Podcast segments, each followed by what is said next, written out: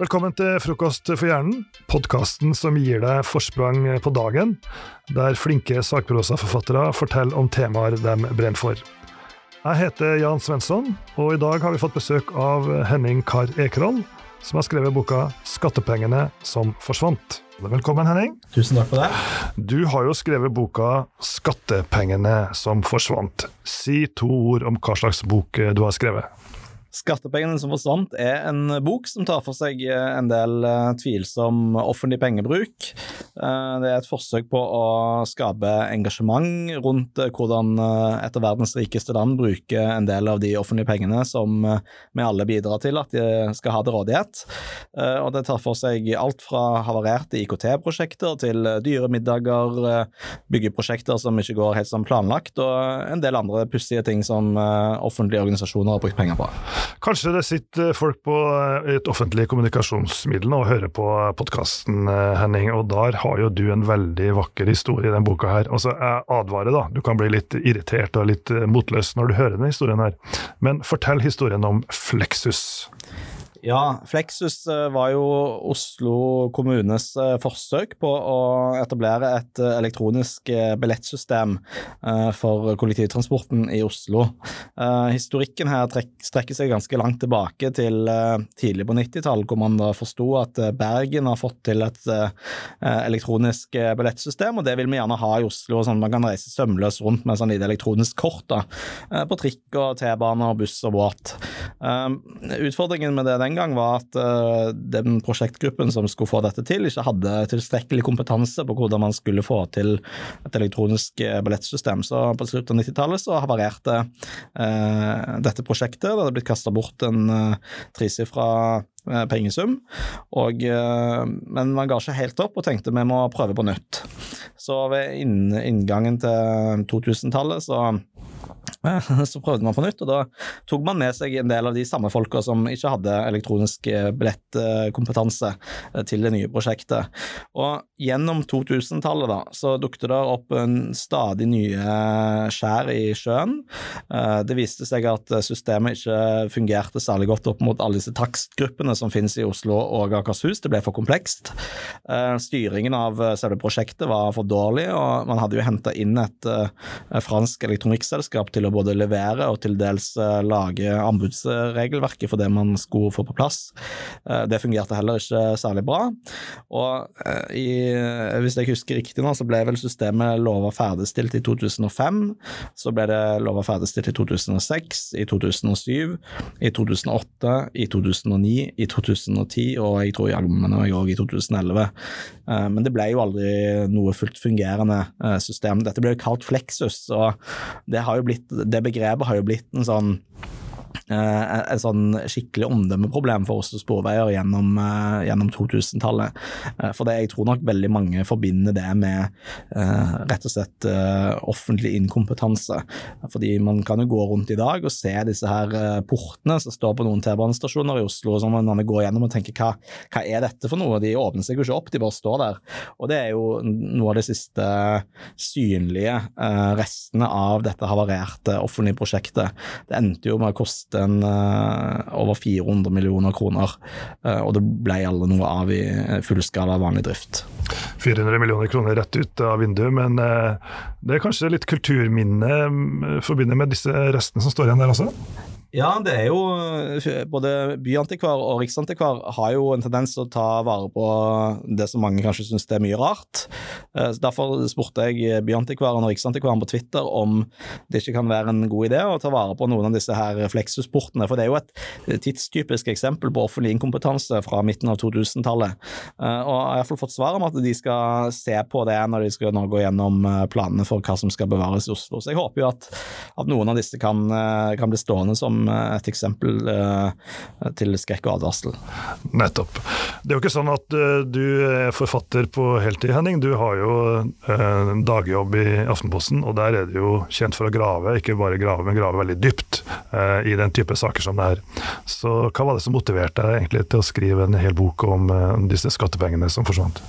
Ja, Det henger jo dels sammen med at jeg har jobbet uh, gjennom mange år som journalist og funnet en del eksempler på litt tvilsom offentlig pengebruk, og de har blitt såpass mange at jeg innså at uh, hvis man ser både på det jeg selv har funnet ut, og uh, mange av de gode sakene som er gravd fram av kolleger i andre medier og um, i lokalaviser rundt omkring i landet, at det finnes såpass mange eksempler at det er mulig å samle disse sikkert i, i, en, i, i en, bok, og sannsynligvis i enda flere bøker. og så henger det også litt sammen med at, eh, at jeg tilhører en generasjon som har vokst opp eh, med eh, en tro på en forståelse av at det er nærmest ubegrensa med offentlige penger. Vi lever i verdens rikeste land, rikdommen henter vi opp fra, fra Nordsjøen, og, og, vi har råd til å bruke penger på alle mulige gode formål. Og så har vi jo da forstått ut ifra de langsiktige perspektivene som nå tegnes opp av samfunnsøkonomer og folk som har greie på den slags, at vi vil ikke kunne leve i all evighet i dette landet med en tanke om at vi kan bruke penger på alt mulig, uten at da må vi enten betale mye høyere skatter, eller så må vi redusere uh, den offentlige pengebruken. Og da tenker jeg at det, med det bakteppet så vil jeg skrive en bok som skaper litt mer engasjement og bevissthet rundt dette, ved å trekke frem uh, litt ulike eksempler på hva som ikke fungerer. fordi at jeg tror at det er gjerne lettere for folk til å lese om dette og engasjere seg rundt temaet, enn at de skal sette seg ned og lese en rapport om om samfunnsøkonomi som kanskje er litt tyngre tilgjengelig for mange. Da har du jo på en måte gjort eh, jobben for oss, og det, det er vi jo glad for. Eh, og her er det jo mange, veldig mange eksempel på sløsing av, av våre midler. Så hva var det mest graverende du fant i arbeidet her, Henning? Jeg tror kanskje at det var det eksempelet fra det fylkeskommunale eiendomsselskapet i mitt hjemfylke Rogaland, eh, som hadde som eneste mål å utvikle en, eh, eiendommen til et gammelt sykehus til en ny bydel i Sandnes. Eh, det har nå blitt brukt 250 millioner kroner. Det har ikke blitt utvikla noen ny bydel, men istedenfor så reiste bl.a. de som var involvert i dette, til en trettitalls ulike internasjonale destinasjoner for 1,6 millioner kroner. De eh, brukte flere hundre tusen kroner på fest og moro, dyre middager og alkohol. Um, bodde på spahotell i Tallinn blant annet, og leide inn et reklamebyrå for å lage en kampanje med en hashtag for en bydel som altså ikke eksisterte. Uh, og det er bare noe med den gjennomgående liksom perspektivløse holdningen til at man forvalter offentlige midler som um, som jeg syns er spesielt synlig ved det prosjektet her. Og noe kanskje, det kanskje mest illustrerende enkelteksempelet, det handler ikke om så mye penger, men det at en, eh, et slikt eiendomsselskap eh, ser det som nødvendig å bruke 1765 kroner på en flaske portvin. Eh, det, det, er bare noe med at man kommer frem til den konklusjonen om at jeg fortjener å drikke denne veldig kostbare flasken med portvin for å ikke klarer å gjennomføre den jobben med å utvikle denne bydelen. Hvem var det som bestilte den flaska, tror du? Ja, det hadde jo det, det, er litt vanskelig, fordi at Stavanger Aftenblad, som gravde fram denne saken, har jo sett på kvitteringen, og det er ikke alltid oppgitt hvem som har vært med på alle middagene, så det er litt vanskelig å vite nøyaktig hvem som drakk den. Men det er jo da ledelsen i dette eiendomsselskapet og en del tilfeldige gjester de har hatt med seg, som da har spist og kost seg på, på fellesskapets regning. Håper den flaska var god, da, i hvert fall. Ja, det må man, det må man nesten, får nesten håpe på. Eh, et, en gjenganger i boka di er jo IT-prosjekter, ikke minst i, i, Nav og i Forsvaret i og for seg. Eh, det er jo selvfølgelig veldig komplisert materie, men det går jo fryktelig gærent eh, her. Altså, hva er det som skjer egentlig? Ja, gjennomgående i disse IT-prosjektene, spesielt de store, så er det mye dårlig prosjektstyring og gjerne en litt sånn urealistisk eh, forventning om hva man kan få til og, og hva som skal leveres. Uh, I Navs tilfelle så har det jo vært et problem gjennom mange år at det har vært et sånn stort etterslep på uh, nyanskaffelser på IKT-fronten, noe som har gjort at man bruker veldig mange forskjellige overlappende programmer, mange av de er veldig gamle, og så har man kommet til et punkt hvor man bare var sånn nå må må vi, nå må vi gjøre noe stort, for det har fått eh, pågå i altfor mange år. Eh, folk kommer på jobb og kaster bort tid på å se på klipp og lime inn i masse forskjellige systemer.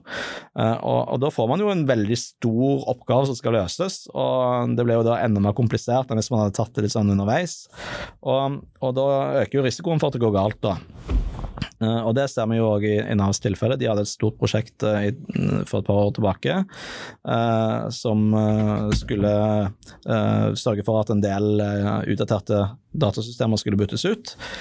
De satte ambisjonsnivået veldig høyt, og det som skjedde var at det ble leid inn veldig mange konsulenter. Og det ble òg leid inn mange prosjektledere som skulle gjennomføre veldig mange ting på en gang. Og Totalt så ble dette så omfattende og komplisert at det egentlig på en måte bare kompliserte seg selv i stykker.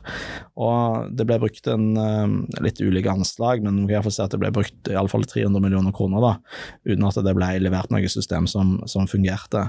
Og og det som er litt interessant i det bakteppet der, er jo at uh, Navs forgjenger, Rikstrygdeverket, hadde jo et uh, prosjekthavari på 90-tallet der man skulle bytte ut en del allerede da utdaterte datasystemer, og, og, de havarerte av til dels en del av de samme årsakene, altså dårlig prosjektstyring, sånn naive forventninger om hva man kan få til, og, og begge deler førte til høringsrunder i Stortinget der politikerne satt og ikke helt forsto hva de hadde vedtatt de forsto ikke hva pengene hadde blitt brukt til, og de klarte ikke å få svar på spørsmål de stilte om det, som er ganske illustrerende òg for kanskje den eh, i mange tilfeller manglende politiske forståelsen for eh, hvordan man skal gjennomføre sånne IKT-prosjekter, og at det er viktig å satse på dette fortløpende for å unngå å komme i sånne situasjoner der man eh, må bruke veldig mye penger på en gang på å rette opp eh, feil og, og eh, etterslep gjennom mange år.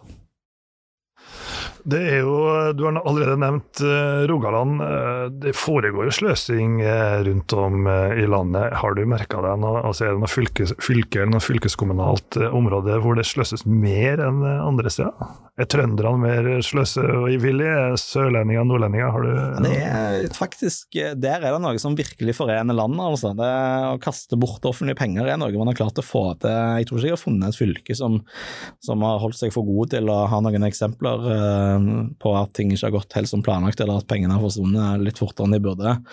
Eh, men det er klart at i, en, i, kommun, i, i mindre kommuner så er det i alle fall åpenbart at det eh, finnes en sånn en sånn litt sånn misforstått tanke om at man gjerne må bruke en del penger på å sette kommunen på kartet. da. Uh, og, og, det kan fort bli dyrt. Så, og så tror jeg nok òg at det er et lite element av at uh, mindre kommuner har gjerne ikke like mye folk med veldig høy kompetanse både på økonomistyring og, og prosjektstyring, og det gjør jo òg at risikoen for at ting kan gå galt, eh, er til stede. I tillegg til at mange gjerne òg har dårlig økonomi i utgangspunktet, og følgelig um, har ekstra grunn til å være forsiktig med, med hvordan de bruker pengene sine. På Senja har de jo virkelig satt seg fore å sette ja, kommunen på, på kartet. Da. Der har de jo brukt veldig mye penger på et toalett. Ja, Gulldassen på Senja. 3,75 millioner kroner på et uh, flott, uh, flott sanitærfasilitet med både toalett og dusj. Um, denne ble jo bygd fordi man ville, ja, hvis jeg har forstått det riktig, trekke folk til Senja for å se på dette toalettet, og da forhåpentligvis også benytte seg av det.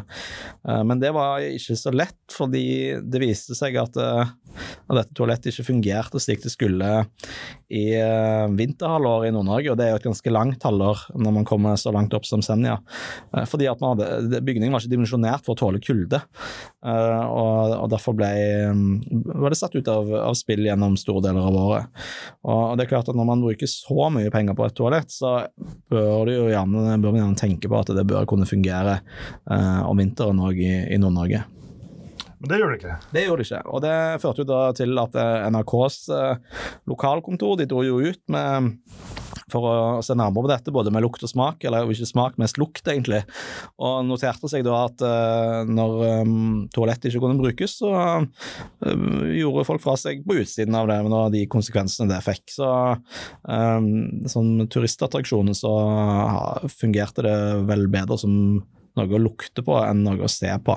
Men, eh, ja, nettopp, ja, nettopp. Og Når vi først snakka om toalett, så syns jeg vi også må snakke om uh, stupetårn. Det er jo en sånn kjendissløsesak blitt etter hvert, også, men stupetårnet uh, i Hamar ble jo mildt sagt mye dyrere enn planlagt. I motsetning til stupetårnet på Gjøvik. Der var det, Hva er forskjellen mellom Gjøvik og Hamar i det tilfellet her? Ja, men jeg, vil, jeg, 600, jeg tror det er 680 80 ganger uh, dyrere. Uh, Mer eller mindre samme stupetårn? Uh, ja, det er vel det, det er iallfall et stupetårn. Og så kan man sikkert vil jo Hamar si at ja, men vi har fått et veldig fint stupetårn, og ikke minst veldig et nasjonalt kjent stupetårn som flyter sånn halvveis, i alle fall på Mjøsa. så de vil nok si at vi, de har, mener nok at de har fått et bedre stupetårn, men, men jeg vil anta at stupeopplevelsen er ganske lik, fall. Det er nok, men hva skjedde underveis der, med planlegging, eller mangelfull planlegging, for å være mer presis? Nei, så Det var jo en, eh, en tanke fra start at uh, man skulle ha et stupetårn, og så ble det litt slik at man gjerne ville ha et veldig fint stupetårn, og det skulle spille opp mot en sånn klokkespill som de har der. Uh, og Da måtte man bruke samme arkitekt. Og, uh, og så var det jo òg en sånn tanke om at det skulle flyte halvveis på vannet i Mjøsa, og Mjøsa har ganske varierende vannstand, så den liksom tekniske løsningen der ble jo veldig vanskelig å få til. og, og og, grunnforholdene der den skulle stå var utfordrende, og den måtte flyttes litt underveis fordi politikerne ville ha en annet sted enn de først planla. Alle disse tingene her bidro jo til at kostnadene steg voldsomt, og eh, den politiske skandalen var vel et sånn eh, absolutt faktum da man eh, kom opp over 20 millioner kroner. Og da ble det jo et oppgjør med, med, med, dette firmaet som hadde prosjektert stupetårnet og sagt at her har dere gjort en for dårlig jobb, og de var sånn ja, vi har, gjort, vi har kanskje gjort en litt for dårlig jobb, men dere har gjort en ganske dårlig politisk jobb. Og, så de fikk refundert noe penger, men mm, til syvende og sist så ble vel fellesskapets del av den regningen som måtte betales, en 23 eh, millioner kroner.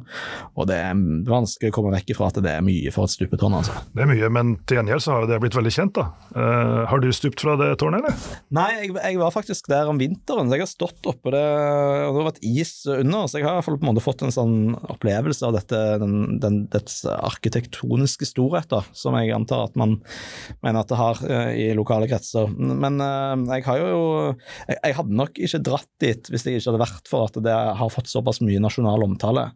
Og det har jo vel òg eh, figurert i en ganske populær musikal på fjernsynet, som Ylvis Brederne sto, sto, bak. Nettopp. En annen gjenganger er jo festing, skjenking og reising på skattebetalernes regning. Det, det, er det i boka, og det har du jo gravd frem en god del eksempel på i avisa i siste også.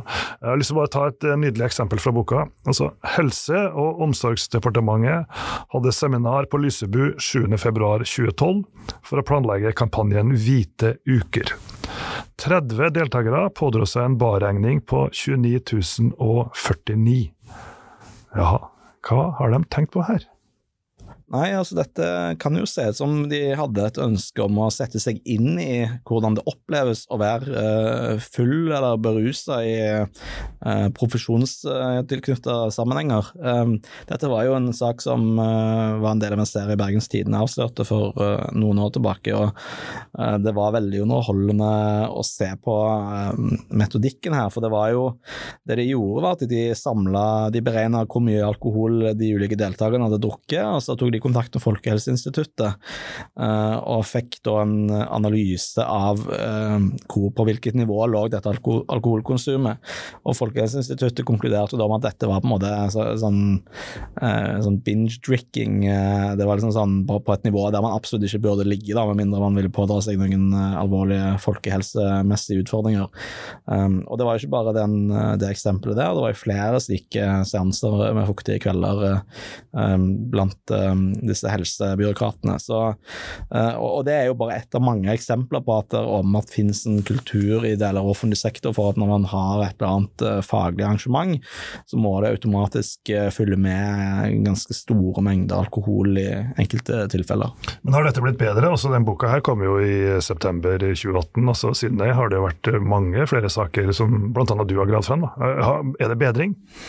Ja, nei, jeg har, det, jeg har ikke grunnlag for å si at det er bedring, men det er i alle fall blitt en bevissthet rundt det. da, og Både den saken til Bergens Tidende den gang, og, um, og for så vidt òg det vi har uh, omtalt nå i høst i Aftenposten, som handler om, om politikernes alkoholkonsum, iallfall til dels, uh, på det offentliges regning, bidrar jo iallfall til en, en, bevissthet rundt dette.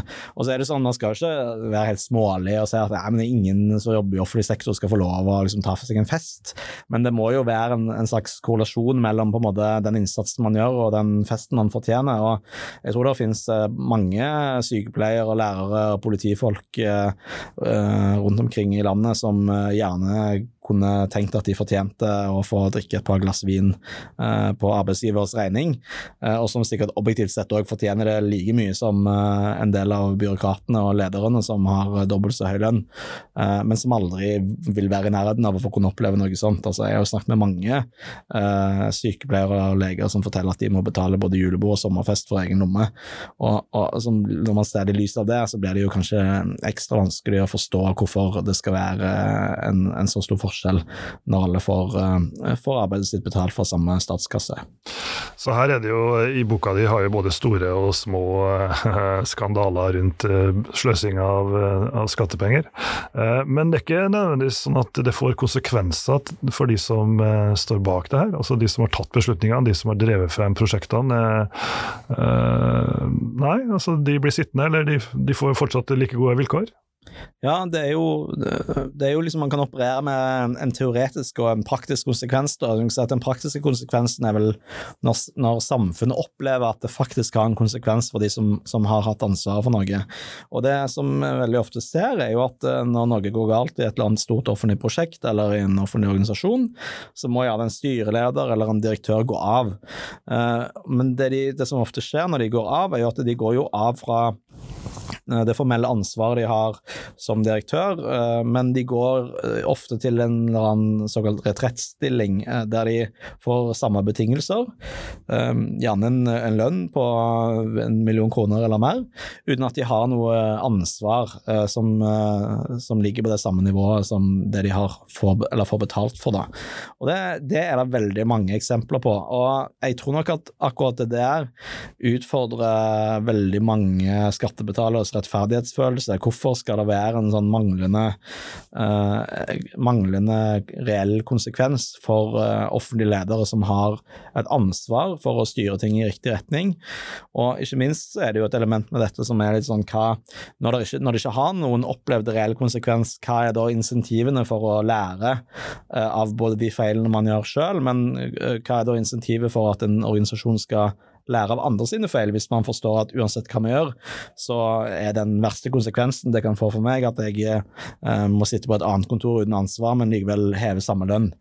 Eh, det tror jeg er et, eh, et, et problem som, eh, som, vi må gjøre noe med hvis vi skal klare å få eh, en bevissthet som gjør at eh, vi kan redusere risikoen for at det skal gå galt i en del av de tilfellene jeg har sett nærmere på. Jeg ser ikke helt bort ifra at uh, dem som sitter og hører på nå, både blir litt opprørt og irritert uh, over alt det som du legger frem her, men en gruppe som slett ikke blir irritert uh, pga. det her, og som tvert imot uh, gnir seg litt i hendene, det er jo konsulentbransjen som skal inn og, og rydde opp her. Ja, det er jo veldig mange store konsulentselskaper som tjener gode penger eh, både på disse store IKT-prosjektene og eh, en del byggeprosjekter. Og det er òg eh, en sånn det, det, er veldig påfallende hvor mye eh, en del av disse konsulentorganisasjonene blir brukt i en del offentlige etater som har eh, utfordringer på både styring, prosjektstyring og, eh, og, IKT, uten at det nødvendigvis virker som det går så mye bedre, nødvendigvis. I, i det nevnte Nav IKT-prosjektet så var det jo leid inn veldig mye konsulenter, men det gikk jo galt likevel. Og i byggeprosjektet til Stortinget så ble det jo òg leid inn et, et, stort norsk prosjekteringsselskap, og det har jo vært en, en pågående diskusjon om hvor mye ansvar de de har hatt for det som gikk galt, men eh, konklusjonen er jo at det, uansett så har det i alle fall gått galt, da. Um, og det er jo um, der er jo store norske konsulentselskap som drar inn uh, flerfoldige milliarder kroner på noen av de største offentlige uh, organisasjonene. Så det er åpenbart at det er noen som, som, tjener mye penger på dette. Og så kan man jo si at ok, de, de gjør den jobben de, de, får bestilling om å gjøre, men det er jo nok en utfordring at uh, mange av disse konsulentselskapene ikke har noe sånn personlig eierskap til de prosjektene de er satt for å være involvert i. Altså, de har jo sin bunnlinje å ivareta de skal tjene penger, og det er jo en ærlig sak, men spørsmålet er jo om det alltid er hensiktsmessig, eh, sett fra skattebetalernes ståsted, at man i så stor grad eh, involverer så mange konsulenter i, eh, i en del av de offentlige prosjektene. Du nevnte jo sjøl eh, Stortinget og stortingsutbygginga, eller hva skal kalle det. Jeg hører at eh, det nå blir kalt Ole Mix undergang. Eh, du har vært nede i kjelleren der, du, ganske nylig. Fortell om hva du så der. Ja, jeg inviterte meg halvveis sjøl på besøk for å se litt nærmere på det. Det har blitt bygd en for En del av dette prosjektet, bare for å oppsummere litt for de som ikke kjenner alle detaljene, er jo at det består av, av tre deler. At man skal renovere en bygård med kontorer, bygge nytt eh, post- og varemottak under bakken og eh, bygge en 250 meter lang tunnel fra dette post- og varemottaket til innkjøring fra Rådhusgaten i Oslo sentrum.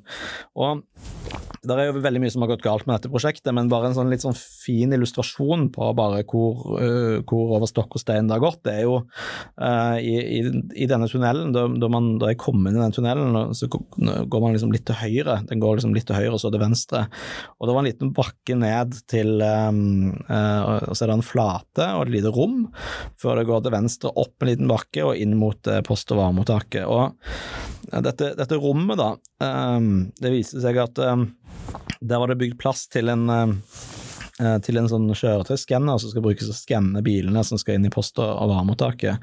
Og For å få plass til denne skanneren så måtte gulvet senkes og rørene i Rådhusgaten legges om. Det kosta vel en rundt 25 millioner kroner. Og så måtte man jo bygge selve dette store rommet, og det kosta vel en 13 millioner kroner. Um, det som da har vist seg, er jo at Stortinget har uh, ikke penger til eller behov for en sånn skanner likevel. Så de har da brukt masse penger på å bygge plass til en maskin som de sannsynligvis aldri kommer til å kjøpe. Og, og det er bare veldig illustrerende for den der til dels fullstendig fraværende planleggingen og utredningen av de behovene som det man har trodd at man har hatt, eh, og, og, bare sagt ja til absolutt alle mulige forslag som har kommet på bordet. Um, så det er et prosjekt som på mange måter bare er en veldig god illustrasjon på hvor galt det kan gå når man sauser sammen bare ubegrensede økonomiske ressurser med dårlig prosjektstyring og sånn naive ambisjoner. Ja, her sitter jo Norges toppolitikere og er ansvarlige for det her. Altså, har, det, har det ikke gått noe alarm her underveis? Har de bare fortsatt å regne med at dette skulle ordne seg av seg sjøl? Ja, det ser jo sånn ut. og har jo underveis eh, så har det jo i hvert fall vært tydelig at kostnadene har økt, men eh, da vi gikk gjennom dette, og jeg så jo på Riksrevisjonens rapport, så, så var det jo ingenting som tyder på at noen politikere på noe som helst tidspunkt har fatta vedtak som eh, kunne ha gjort dette mindre kostbart.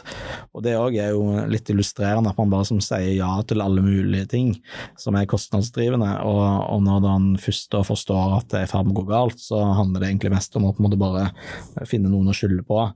Uh, og det òg er dette prosjektet dessverre et godt eksempel på. altså Ansvarspulverisering selv uh, i landets nasjonalforsamling så har veldig mye handla om å prøve å finne uh, en eller annen syndebukk, selv om veldig mye helt åpenbart har både i praksis og formelt vært Stortingets eget ansvar.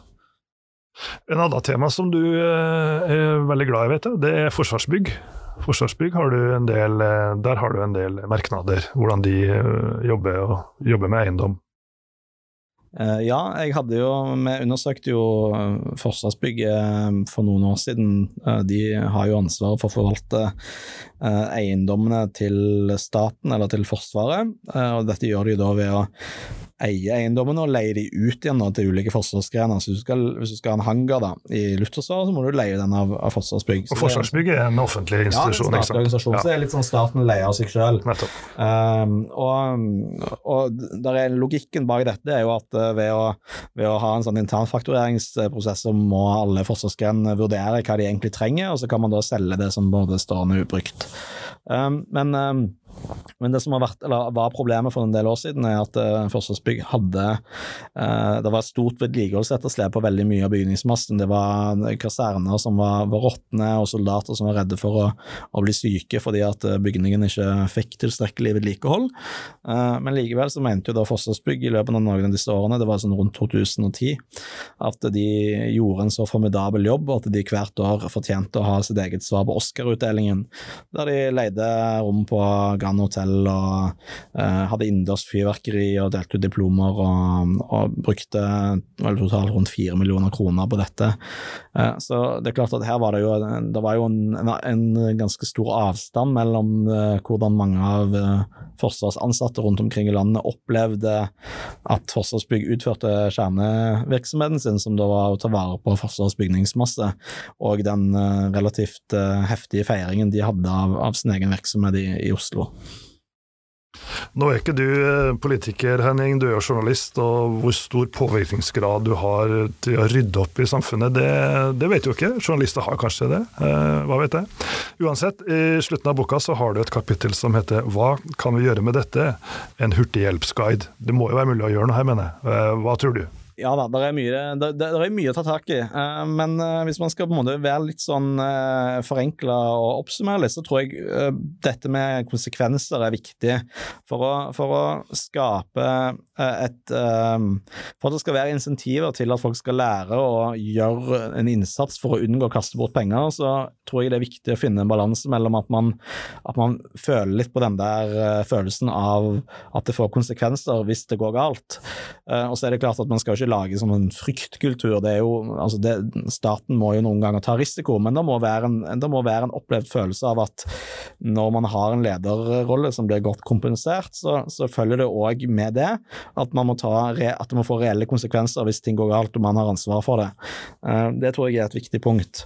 Eh, og så tror jeg òg at når det gjelder disse store offentlige prosjektene, både IKT og byggeprosjekter, så har jo da eh, veldig mye historikk i Norge vist oss at det ofte ikke nødvendigvis er nok god sånn prosjektstyringskompetanse da, i de organisasjonene som gjennomfører prosjektene. Eh, og så har det jo til dels da blitt brukt konsulenter for å bote på det. Det har heller ikke alltid fungert særlig bra. Og da er det litt interessant å se på f.eks. hva Storbritannia har gjort, for de har hatt en del offentlige sånn prosjektfadeser opp gjennom årene. De har nå utvikla et konsept der de ut utdanne statlige prosjektledere som har sånn spesialistkompetanse på å drive store statlige prosjekter i mål. Og de ivaretar jo da statens interesser, i motsetning til konsulenter som ivaretar bunnlinjen i eget selskap. Og tanken er at de skal eh, kunne gå inn og styre store, komplekse prosjekter eh, fra start til slutt. Og det, man kunne jo kanskje sett for seg at det hadde gått an å, å, å tenke i samme retninger i, i Norge. Men til syvende og sist så handler jo dette veldig mye om Eh, om bevisstheten til velgerne i et demokrati, eh, både når man stemmer på politikere nasjonalt og i kommunene, så, så tror jeg det er viktig å huske på eh, at man holder politikerne ansvarlige for prioriteringer som uh, unødvendige prioriteringer, kostbare uh, prosjekter som kanskje ikke er helt hensiktsmessige. Uh, vær bevisst på hvordan pol dine politikere eller ditt parti bruker pengene, og om det gjøres på en fornuftig måte. Jeg tror det er veldig viktig at velgerne har den bevisstheten, og jeg tror mange gjennom mange år har bare vent til at vi sånn, lever i verdens rikeste land, og vi selvfølgelig kan vi få mer penger til alle mulige formål. og det tror jeg er litt, har vært litt usunt for samfunnsdebatten, fordi um, vi veldig ofte bare ender opp med å diskutere Politikere ender opp med å diskutere hvor mye penger de vil gi til ulike formål, uh, i stedet for å diskutere hvordan pengene blir brukt. Og der har jo ja, det har jo vi som velgere da, et ansvar om å på en måte Uh, være bevisst pengebruken på, på, en måte som gjør at politikerne ikke bare diskuterer hvor mye penger de har brukt, men òg hvordan pengene brukes. Ok, da får vi håpe at de som kan få gjort noe med det her, eh, leser boka di. Det er det mange som har gjort allerede, og til og med i Dagbladet har eh, kåra denne boka som en av de beste i 2018. Og Boka heter altså 'Skattepengene som forsvant'. Hvordan kaste bort 1,9 milliarder kroner på ingenting, og andre kostbare historier om offentlig sektor i verdens rikeste land. Og da er det bare å si tusen takk til deg, Henning Kar Ekerhold, og for dere som hørte på. Takk for at du hørte på Frokost for hjernen. Husk å abonnere på podkasten i din eh, podkast-app, så høres vi.